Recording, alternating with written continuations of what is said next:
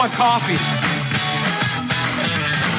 You know, this is, excuse me, a damn fine cup of coffee. Really? Says who? Fellini? Filmflow, I need you to tell me how fucking good my coffee is, okay? najbolj kafinirana filmska debata v mestu.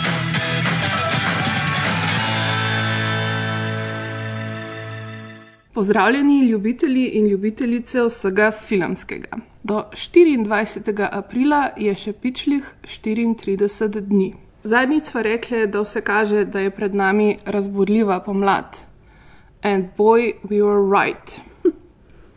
Ker zadnjič, ko smo imeli vojno v Evropi, so bila dejansko 90. leta. 6. aprila 1992 srpska paravojska in JLA začneta odkrite topniške napade na obkoljeno Sarajevo. Začne se vojna v Bosni. Vrilo pa je tudi v Združenih državah Amerike.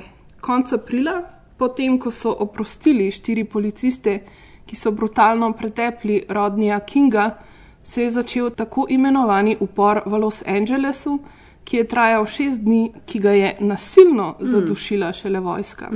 Novembra so potem v Ameriki potekale predsedniške volitve, na katerih je zmagal Bill Clinton, Wow. s čimer se je v Ameriki spet začela um, prevlada demokratov. V narekovajih, V ja. narekovajih. Kaj je bilo še zanimivega v letu 92? Charles in Diana obelodanita javnosti, da se bosta ločila. 92 je bilo tudi baje leto, v katerem so CD-ji začeli izpodrivati audio kasete. Wow. Takrat dobimo tudi izraz surfati po internetu. To je zaradi leta poprej, ko je bil uh, peklinski Point val. Ja, ja, ja. So bili vsi tako, ja, surfat, ja, that seems fine. Pa moramo omeniti še olimpijske igre v Barceloni. Uh -huh. In to samo zato, ker se res pač zelo živo spomnim, uh, da sem pač zaradi tega, ker je bila uradna pesem um, olimpijskih iger Barcelona Ah. od Freddija Mercuryja in ene operne pevke, Aha. katere imena se ne spomnim Ja. ja. več. Potem konstantno po radiju Ah. in mi je bila res, res huda in sem jo Oh. vse čas I was pela. not aware, da je to bila uradna pesem olimpijskih iger. Wow. It was. It was the first night that we met. Barcelona. Če ostanemo še malo pri glasbi, je bila najbolj popularna skladba leta 92, I Will Always Love You, uh -huh. ki pa jo seveda um, originalno ni pela Whitney uh -huh. Houston, ampak Dolly Parton. Jo je pa Whitney Houston priredila za film Telesni stražar. Ta film pa je bil poleg animiranega filma Aladdin, filma Sandoma 2, Batman se vrača in pa nune pojejo med najbolj gledanimi filmi leta 1992.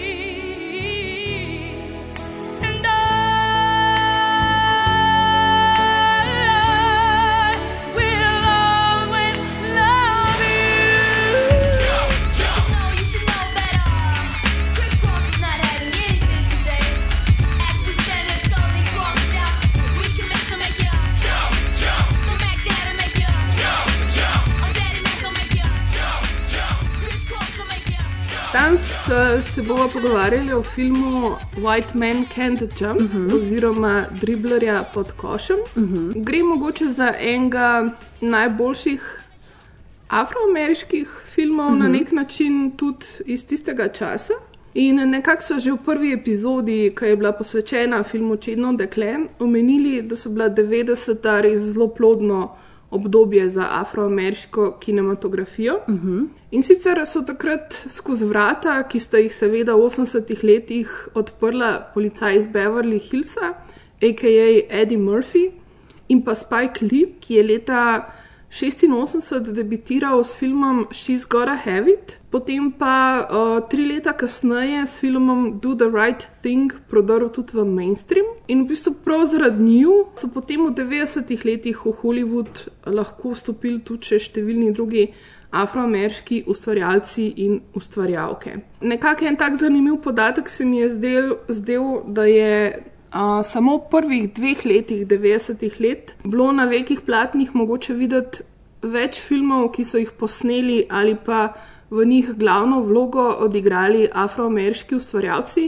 kot pa skozi celotna 80-ta leta. Gre skratka za obdobje, ki je začelo res um, odkrivati, raziskovati afroameriško identiteto in sodobno urbano življenje. Seveda, mislim, zdi se mi, da po eni strani je to mal povezano tudi mogoče s tem, da je takrat Hollywood na polno po eni strani usrkal ta neodvisni uh -huh. film, uh -huh. zaradi tega, da se je Mečken poživil, podobno Ja. yeah. kot danes dela, ne z. Ja. Yeah temi neodvisnimi ustvarjalci. Po drugi strani pa je v bistvu, oziroma vsaj tako pravijo, no, tudi številni drugi kritiki, da je za to večje zanimanje afroameriških vsebin, da je ta vrata odprla tudi hip-hop glasba, ki je bila takrat ful popularna, -hmm. ki je ustvarila ful močno kulturno identiteto, pa tudi na nek način nov trg. Se pravi, afroameričane, ki so ustvarjali za afroameričane in seveda, ko imaš trg, ko je tam denar, potem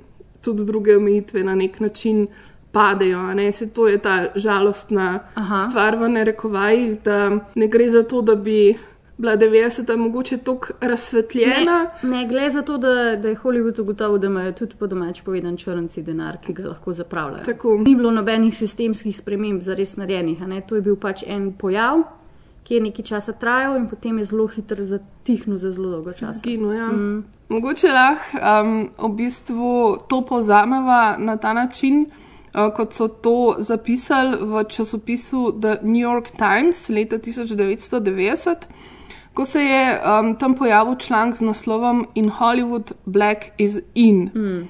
Black filmmakers are being welcomed into the film industry as never before. Just about every studio in town has a project in development with a black director or wants to. Hmm. Torej, to, kar so prej omenili, da je večje zanimanje za afroameriške vsebine tudi na filmskem področju oziroma v Hollywoodu.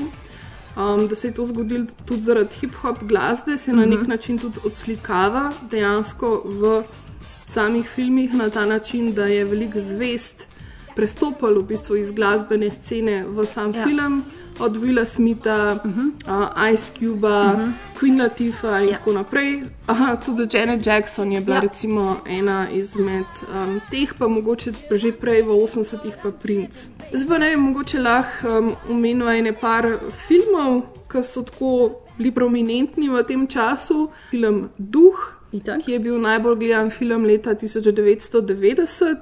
Um, v njem v bistvu res tudi eno od skoraj glavnih vlog Ja. um, odigra Whoopi Goldberg, ki potem dve leti kasneje zablesti v prav tako zelo, zelo uspešni komediji Nune pojejo. Ja. Potem prav iz leta 92 imamo uh, film Telesni stražar, ki smo ga tudi že omenili, uh, v katerem igra glavno vlogo pevka. Whitney Houston. Whitney Houston, še ena potrditev prejšnje teze.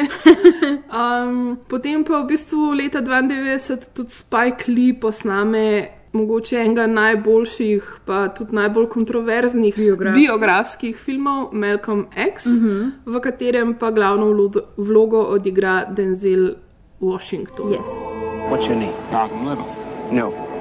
That's the name of the slave masters who own your family. You don't even know who you are. Who are you? Say Roseland. Roseland.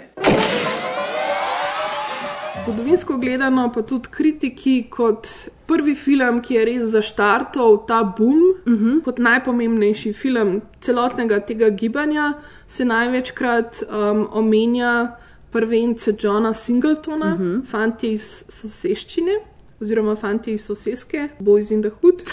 Ja, uh, John Singleton je bil star komi 22, ko je napisal scenarij za ta film. Čeprav so mu za scenarij pri Columbia Pictures ponudili zelo lep znesek. Uh -huh. Je rekel, da jim scenarija ne bo prodal, če, um, razen če lahko film sam tudi režira. Uh -huh.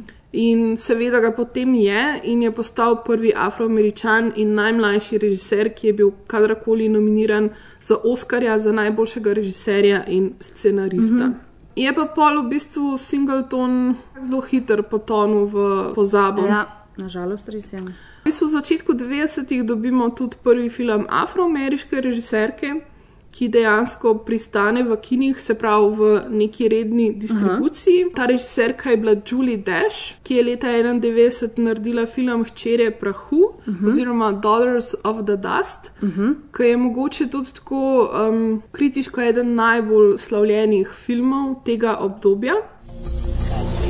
See, we came here in chains. When they go down in that water, they never come up.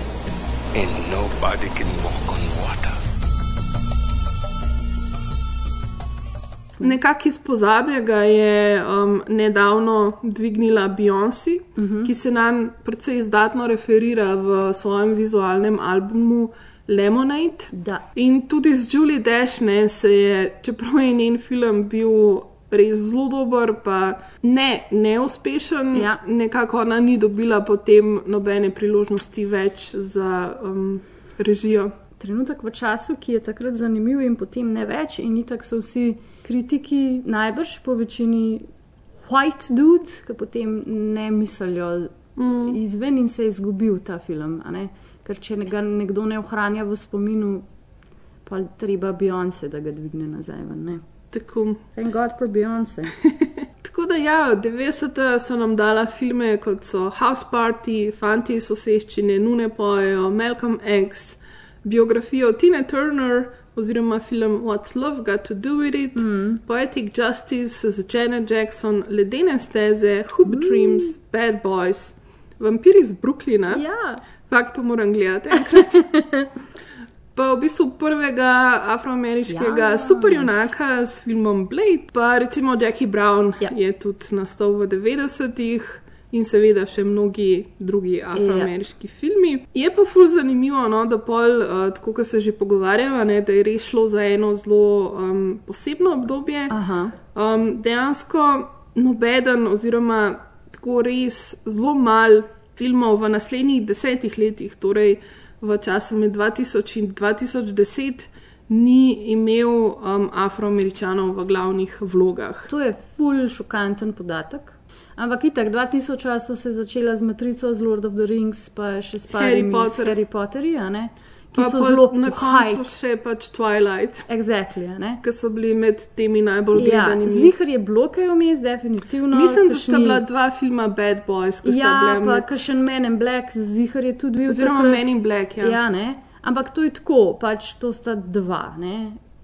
kar je tako dost sad. Je pa ful zanimivo, da je He- Hailey Berry še kar ostaja prva in edina um, prejemnica Oscarja za glavno žensko vlogo, za, ker je Person of Color. Nobena druga še ni dobila in to je bilo da- 2002. Je bila Viola Davis, je bila parkrat nominirana. Ne, za Uh, stransko. stransko je dobila Octavia Spencer, pa uh -huh. še par drugih, ampak Za za enkrat pa pa, ostaja še Hailey Berry. In pa mogoče, ja, po 2010, uh, pa Straight Out of Compton in ta pa pol um, počasi nazaj postajamo majhen bolj mainstreamovski spet. Ne? Ja, v bistvu mislim, da je en tak menik je prav 2016, Ja. ko je Oscarja za najboljši film prejela Mesečina Barryja Ja. Jenkinsa, Kar je bilo tako ki je bil tudi lani, v bistvu eden prvih, oziroma prvi film, ki je imel all black uh Mhm. -huh. cast, da je dobil uh -huh.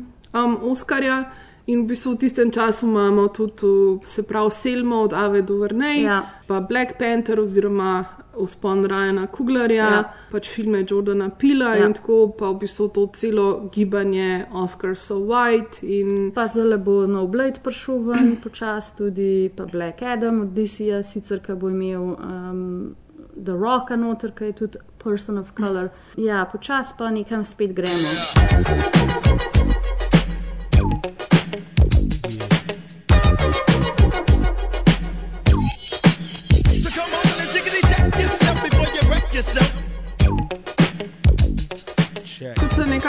nekako menili že na začetku, se v kontekst tega vzpona filmov z afroameriškimi ustvarjalci in seveda tudi tematikami vključuje tudi film Driblerja pod košem oziroma mm -hmm. White Man Can Jump. Tako da mogoče dajmo najprej poslušati, zakaj se sploh gre v tem filmu. Um, Driblerja pod košem je košarkaški film, kot hvala Bogu že naslov pove. In sicer um, spremljamo dva glavna lika. Billy Hoyle, ki ga igra Woody Harrelson, pa Sidney Dean, ki ga igra Wesley Snipes. Oba dva sta driblerja pod košem, oziroma um, cestna košarkaša in Ulična? ulična. A se ne reče ulična? Košarka? Ja, ulična košarka, I don't know. Zgodba se začne tako, da v bistvu Billy Hoyle oziroma Woody Harrelson prikoraka v uh, Los Angeles in z namenom, da bo služil z ulično košarko. In se nekako tako pač kar usili v to neko družbo, uh, ki je okrog uh, Sidney Dana oziroma Wesley Snipesa. Wesley Snipes nam je predstavljen kot en tak uh, glavni kralj ulične košarke v Los Angelesu in nekako Woody Harrelson postane ali buddy buddy z njim. Na tej neki prvi tekmi, ko je one dva mata, seveda pač, ker je košarka v domeni afroameričanov, tudi v tem filmu. Wesley Snipes zelo tako eh, odpika tega nekega belčka, da on pa že ne bo meni uh, kazal, kako se košarka igra, in potem ga seveda bili nadigra in zmaga. In takrat Wesley Snipes nekako ugotovi, da okay, tole bi bil lahko mogoče en tak hustle, bi bila lahko ena taka zanimiva prevara, igra, kako do več denarja. Ker oba dva lika sta v bistvu tako nekako na nekem takem družbenem uh, robu. Uh, Woody Harrelson skupaj z Rosie Perez oziroma Glorijo beži pred nekimi gangsterji, pri katerih sta si oni da sposodila denar. Rosie Perez, mogoče tisto, kar je meni najbolj ostalo v spominu tega filma, se uči za Jeopardy, vsa ta neka bizarna um, naključna znanja in je to tudi nek njen način, je kako bilo bo do ful denarja prišla. Jaz, ki sem gledala, zdaj ponovno sem res imela tako nek občutek, da se ona uči za ta izpit za ameriško državljanstvo. Ja, ja, ja, ne, ne, ne, za Jeopardy, za to slavno igro z Alexom Trebekom. Medtem ko tudi v bistvu Wesley Snipesov karakter uh, in njegova žena, pa otroci živijo še tako v, dajmo temu reči, projects in nekako si tudi on prizadeva, da bi ven šel iz tega slama v mal boljšo okolico. In potem on, uh, Woody Harrelson in Wesley Snipes igrata mal košarke skupaj, enkrat eden, drugič druga spet mal nategujeta, pa en, enkrat en Wesley Snipes uh, izda Woody Harrelsona in tako in ta njun odnos je zelo tak skozi mal bickering sem ter tja. Na kar v bistvu tako proti koncu potem zadeve ratajo toliko malce bolj resne s temi gangsterji in tudi Wesley Snipesa uh, oropajo v njegovi hiši, da se odločita, da bosta skupaj na enem tem nekem uh, uličnem turnirju um, zaigrala kot ekipa in pobrala vsta denar. Teh nekih 10-15 minut je zelo tako, takih lepih in one dva skupaj kot ekipa igrata košarko in zmagata in si razdelita ta denar, čeprav na koncu potem spet Billy Hoyt oziroma Woody Harrelson ne more iz svoje kože, ker ima zelo tak karakter, da pač noben ne bo njemu govoril, kaj on lahko in kaj ne sme in pač zmeram. Ves pridobljen denar zmeraj spet stav. V glavnem, na koncu, potem ko pač ga Gloria Perez zapusti, ko ostane čist brez denarja, ko je v bistvu nekako na dnu, ne, polarata ta prava prijatelja. It was not about basketball, it was about the friends, we friendship we made along the way. I have a business proposal for you, as if you don't mind hustling. What kind of hustle? Five hundred dollars, baby, and you can pick my teammate. Give him the chump. You mean play basketball? Hey, pretty boy, Zgodba je full nije, oziroma je zelo confusing, pa zelo skače gor pa dol med tem, kaj se dogaja. Zgodba spodaj je vedno okrog košarke in kdo bo koga um, nadigral. ne. Ta nek uh, ulična pamet in ta nek street smart so zelo pomembni. Ampak ja, neka, ne vem, čez celo film spremljamo v bistvu to neko prijateljstvo, ki se začne res zelo tako kot neko pač poslovno partnerstvo skoraj, skozi se nekako neki krigata in neki prskata v glavo in, in večkrat se skrigata in gresta na razen, kot pa dejansko se imata dober. In je sam zelo konfuzno bolj gledati. In meni, ko sem ga gledala prvič, zdaj po ne vem koliko letih, ni bil dober film in ga imam v ful boljšem spominu kot dejansko. Razen uh, Gloria oziroma uh, Rosie Perez, ki je pač briljantna v tem svojem, ampak samo v tem svojem učenju za Jeopardy. Res je precej tak nenavaden film ja. in v svojih temah, in nekako v tej svoji strukturi. Ni mi čisto jasno, zakaj so res ohranili ta nek subplot, da v bistvu se pravi Rosie, Ja, se pravi Gloria, pa um, Billy. ja. Um, na nek način one dva bežita pred enimi gangsterji, ja. uh, ker sta jima dolžna denar. Ja. In oni se vsake tok časa pojavijo. Ja. So kar neki. To, ja. to se mi zdi res absolutno nepotrebno, ker se ja. že toliko drugih zanimivih stvari dogaja, da je dejansko tako urata to moteč element. Ja, mislim, zgodbo bi bilo treba malo spolirati, streamlinano osko, ali gre zdaj sam za ta njun odnos, pa košarko, pa pol omogoče še te dve razmeri, oziroma pač um, vezi, ko one dva mata in je to to. Te, Ti stuki brothers, oziroma stuči brothers, so pač tako kar nekaj. Ne? Zato, ker oba dva sta tako sta izdelana kot lika ne? in Woody Harrelson, karakter Billy, veš, kaj je njegov motivator, oziroma kje ima, kje ima neke probleme, in tudi za Wesley Snipesa oziroma Sydneyja veš, kje je išel. In je v bistvu to dovolj, ti ne rabiš, se mi zdi, še nekih drugih motivatorjev na okolju. Mm. Ja, mislim, zdi se mi, da film ima res nekaj zelo močnih točk, pač med njimi je v bistvu. So scene igranja košarke. Ja. Nekako se mi zdi, da res ne zapade v nobene te neke tipične klišeje, ni tipično romantičen film, Mhm. pač ta odnos med njima je zelo zanim, na, na zelo zanimiv način prikazan. Lahko bi celo rekel, da ima film neko tako filozofijo, Mhm. da se mogoče najbolj prikaže v tem monologu, ki ga ima Gloria, Mhm. ki reče: uh, Tako sem si prav napisala. Sometimes when you win, you really lose, Mhm. and sometimes when you lose, you really win. And sometimes when you win or lose, you actually tie. And sometimes when you tie, you actually win or lose. Winning and losing is all one big organic global from which one extracts what one needs. Yes.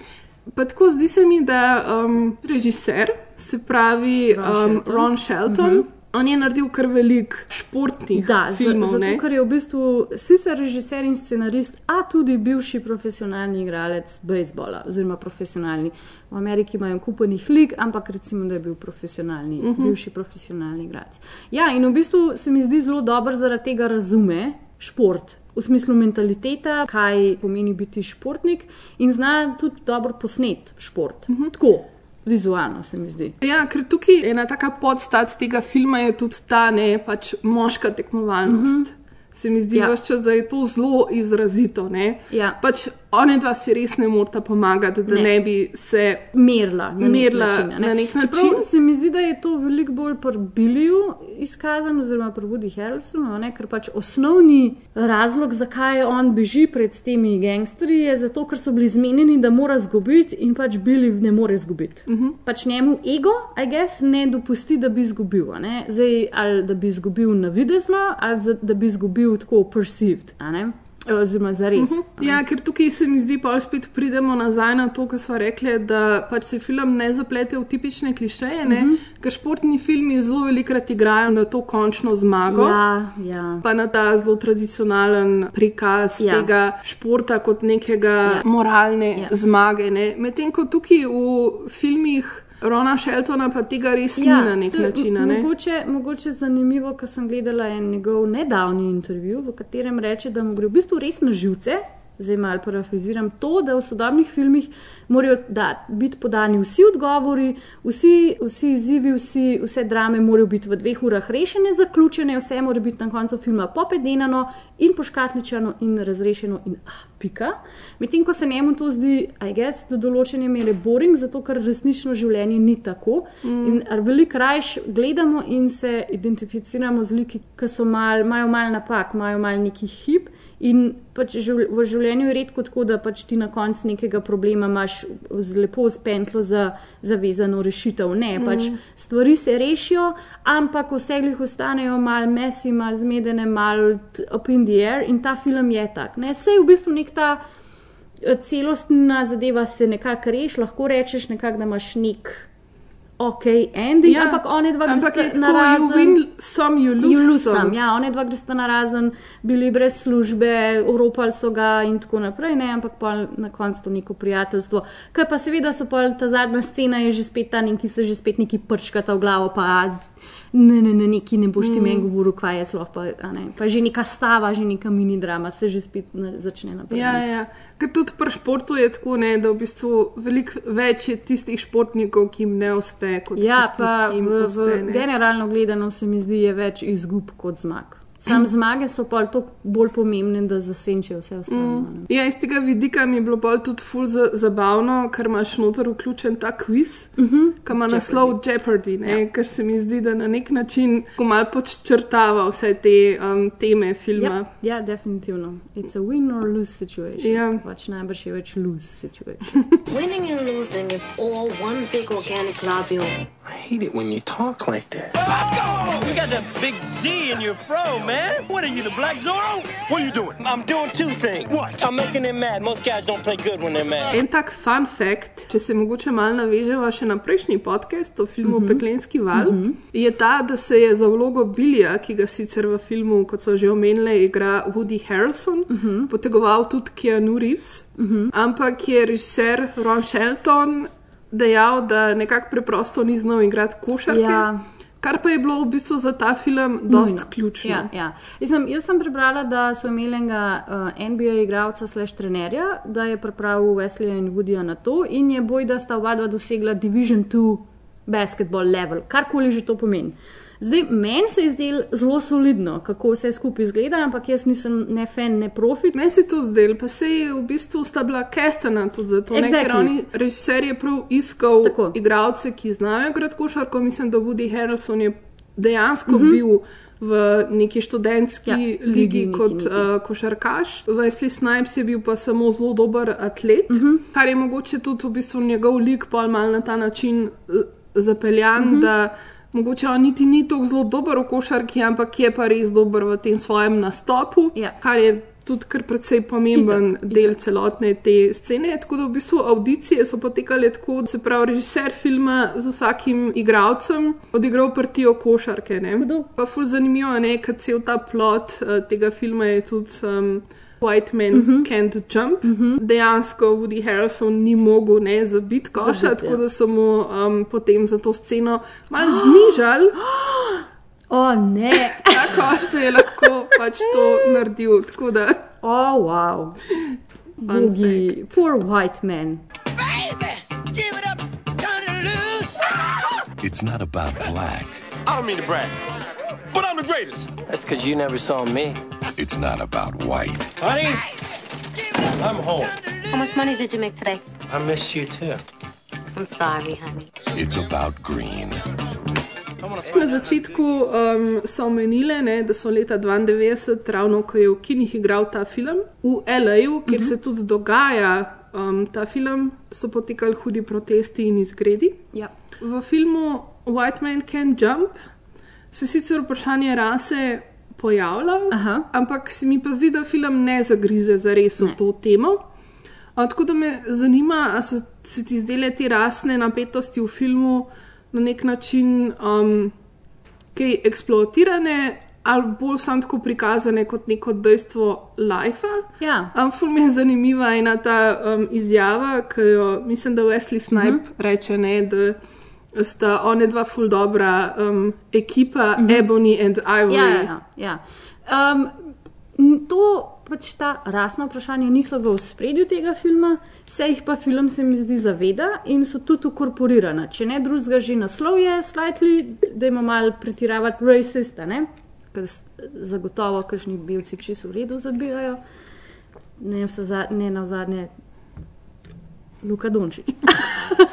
um, In tudi se mi zdi, da, da, se, da se tako lika oba dva lika v filmu zavedata, kje, v, v, kje se nahajata v tej neki rasni situaciji. Da pač Woody Harrelson oziroma Billy ve, da ga, bojo, uh, da ga bo ta afroameriška skupnost nekako uh, dismisala, da mu ne bo verjela, da igra košarko, ker to je v narekovaju njihov šport.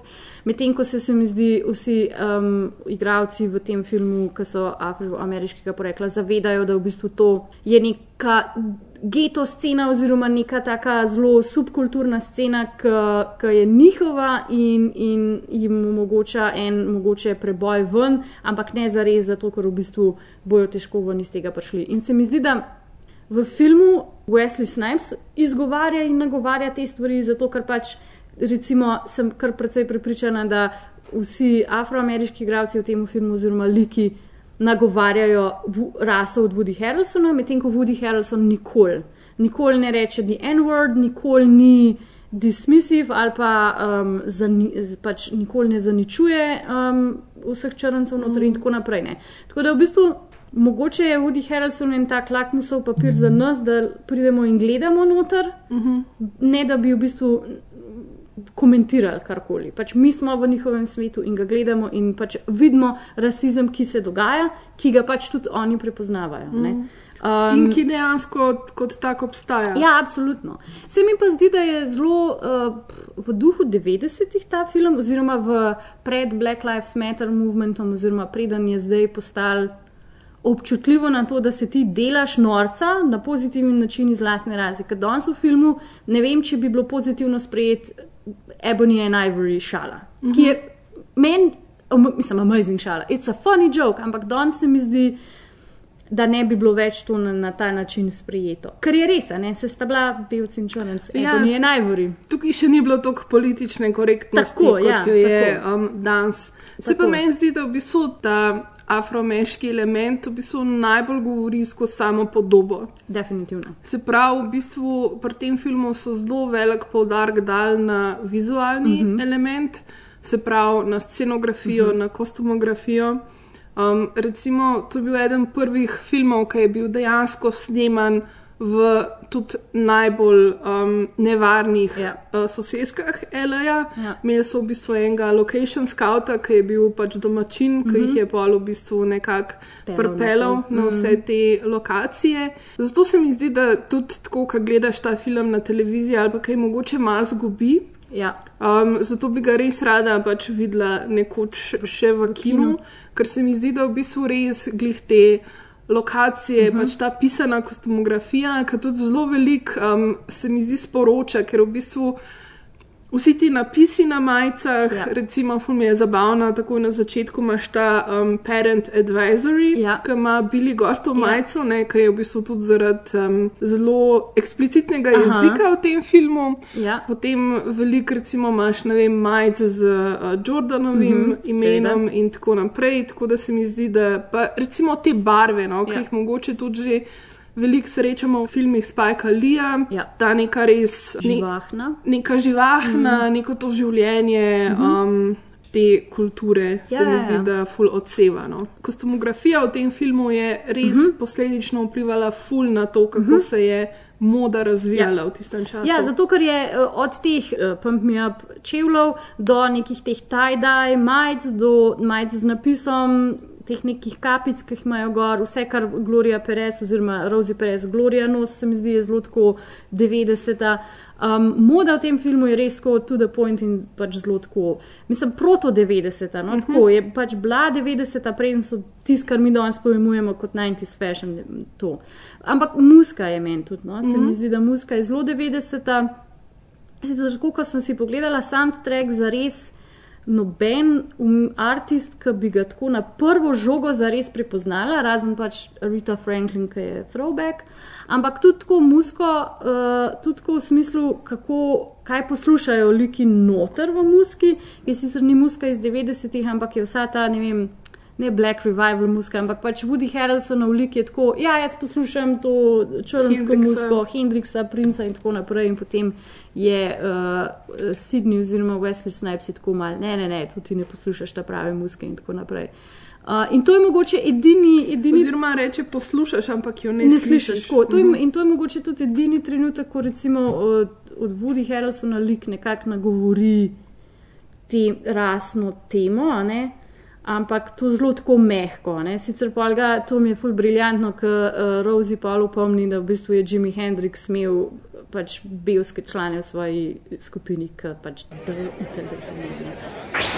This is Jeopardy! Now entering the studio are today's contestants. A resort manager from Fort Myers Beach, Pa Florida. mogoče iz 90-ih še ta uh, resničnostni šov oziroma igra Jeopardy. Z Alexom Tribekom Jeopardy obstajal kontinuirano preteklih 30 let. V 90-ih pa začetkih 2000-ih se mi zdi imel tako vrhunc, ki je bilo to res popularno. Je v bistvu zanimiva resničnostna vdaja, ko moš ti povedati vprašanje. Kviz, ja, moš ti povedati vprašanje. Tebi je podan odgovor.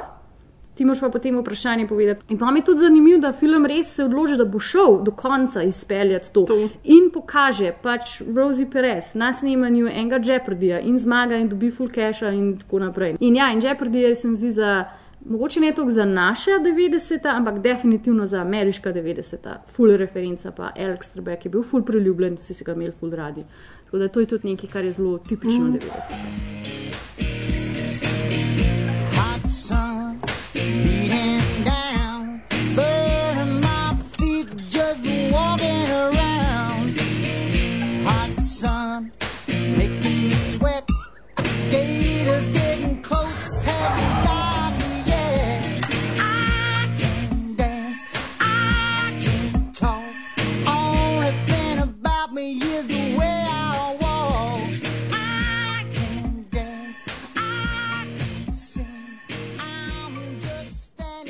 smo že pri najboljših filmih leta 92. Na eni strani imamo filme kot sta Beethoven in The Mighty Ducks.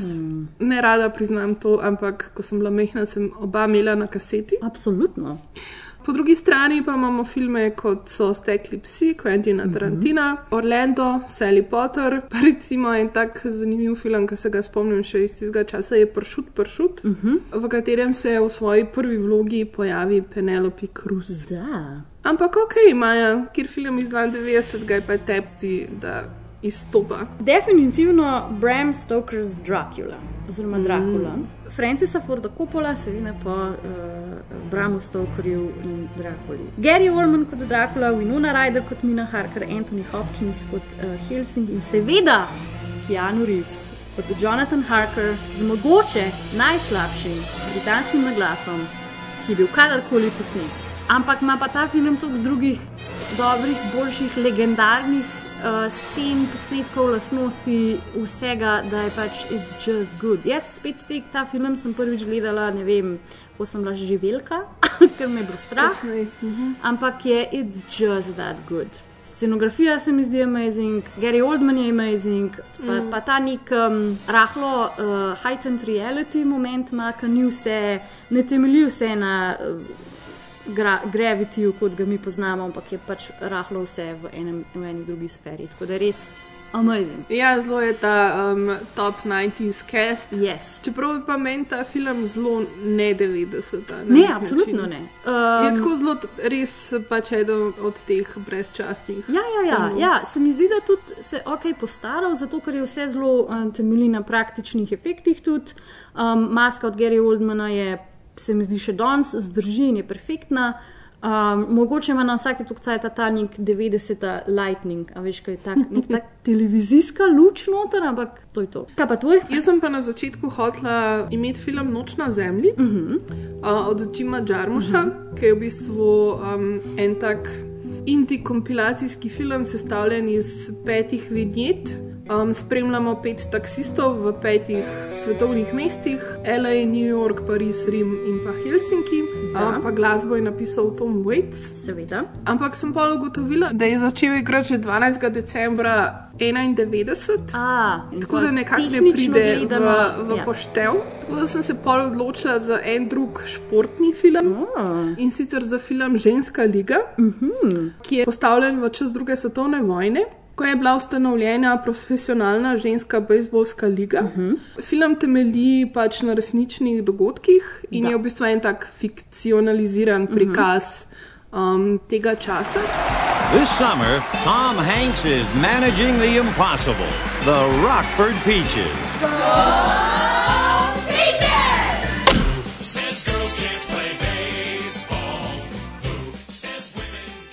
Pač film ima meni res super igralski ansambl. Igrajo v bistvu, mogoče celo moja najljubša vloga Toma Hanksa, ja. ki igra enega tazga zapitka cinika, Jimmyja. Kar je bilo netipično takrat za njega. Potem pa imamo v bistvu tukaj še uh, sestri, uh -huh. Doti, ki jo mhm. igra Gina Davis uh Mhm. -huh. in pa Kit, ki jo igra Lori Petty, Absolutno. ki smo jo hvalili že v uh, Point Breaku. Uh -huh. Pa tudi Madonna igra v tem filmu. Um, skratka, igralski ansambl se mi zdi res fantastičen in zelo dobro funkcionirajo, tudi kot ta um, skupina oziroma bejzbolska ekipa. Pa nasploh se mi zdi, da je tak, mogoče za kanček preveč sentimentalen, pa nostalgičen, pa spoliran. Ampak tako a wholesome American picture, no? nekaj, kar tako pogledaš v soboto zvečer Aha. in se pač pol počutiš res zelo fajn. Mislim, zgodba je noro zanimiva, ima tudi neke take fine feministične nastavke. Mm -hmm. Kar mi je bilo pa tudi zanimivo, je pa to, da je uh, režiserka tega filma je Penny Marshall, uh Mhm. -huh. ki je sestra Garyja Marshalla, ki je naredil Čino dekle.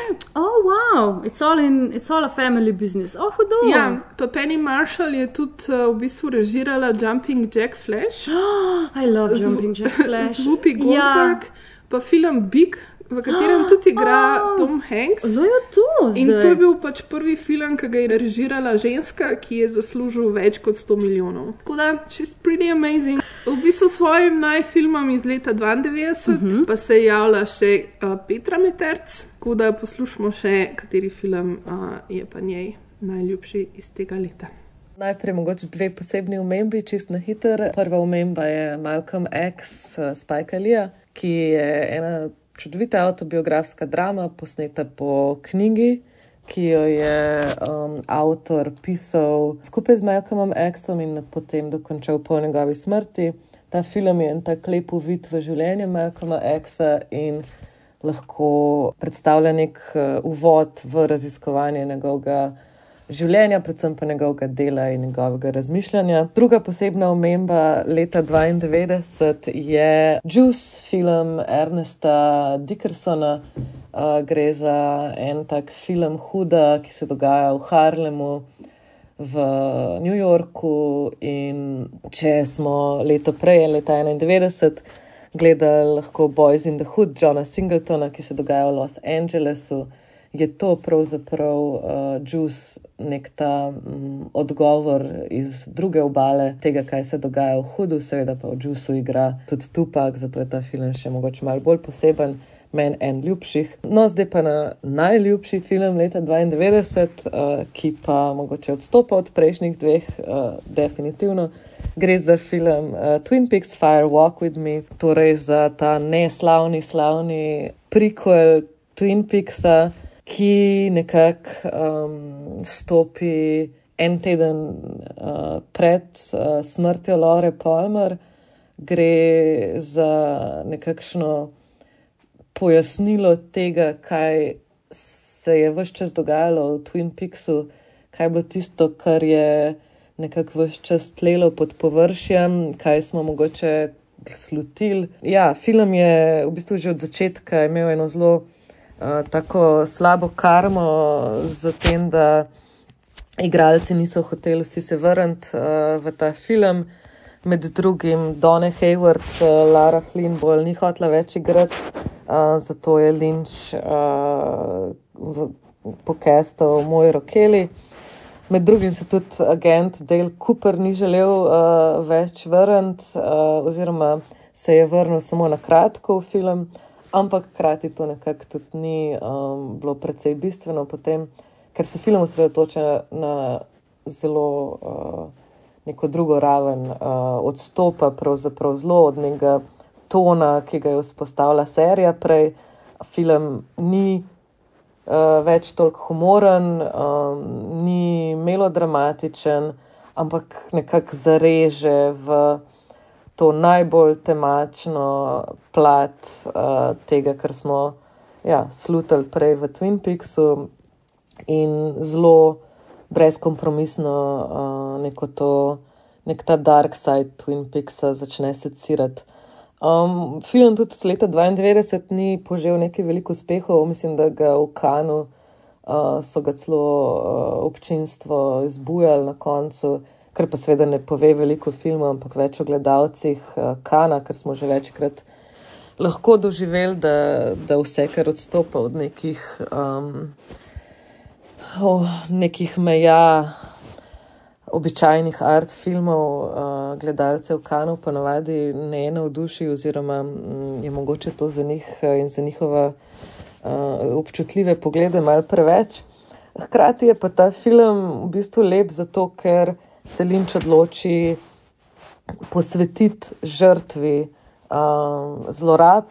Uh, besedo, glas, zgodbo ponudi Lori Palmer, um, ki se ji pač uh, spolne zlorabe in psihološke zlorabe dogajajo strani očeta, uh, in te zlorabe se končajo z umorom. In, um, Lynch nekako skuša s tem filmom povedati, da so Lore Palmer povsod, da mogoče v tem ni veliko nadnaravnega, ampak je pač ena zelo uh, človeška situacija in mogoče najlepše um, vse to, kar se dogaja v filmu Fire Walk with Me, povzame citat agenta Cooperja iz uh, serije.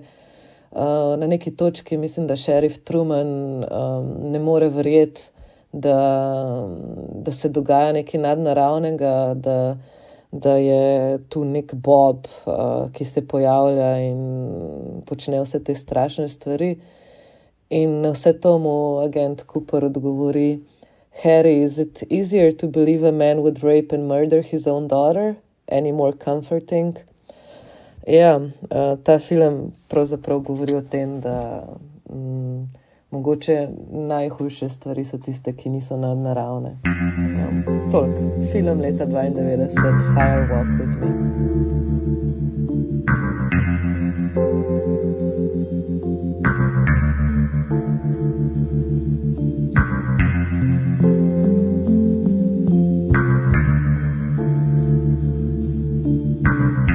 Dragi ljubitelji in ljubitelice vsega filmskega, poslušali ste 121. epizodo podcasta Film Flow o filmu Driblerja pod košem oziroma White Man Can't Jump. Z vami sva bili kot vedno Ana Šturom in Maja Peharc.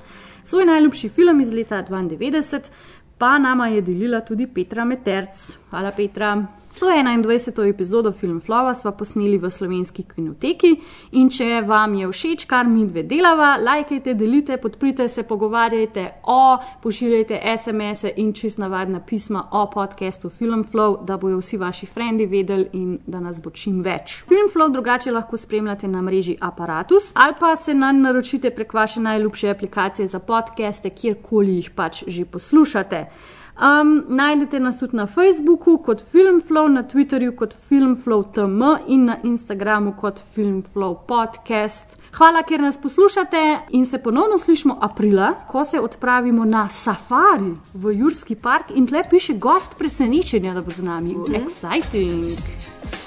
Bye! Ciao! remember when we fell in love? We were young walking into something. Do you remember how it all began? It just seemed like living, so I did it. Do you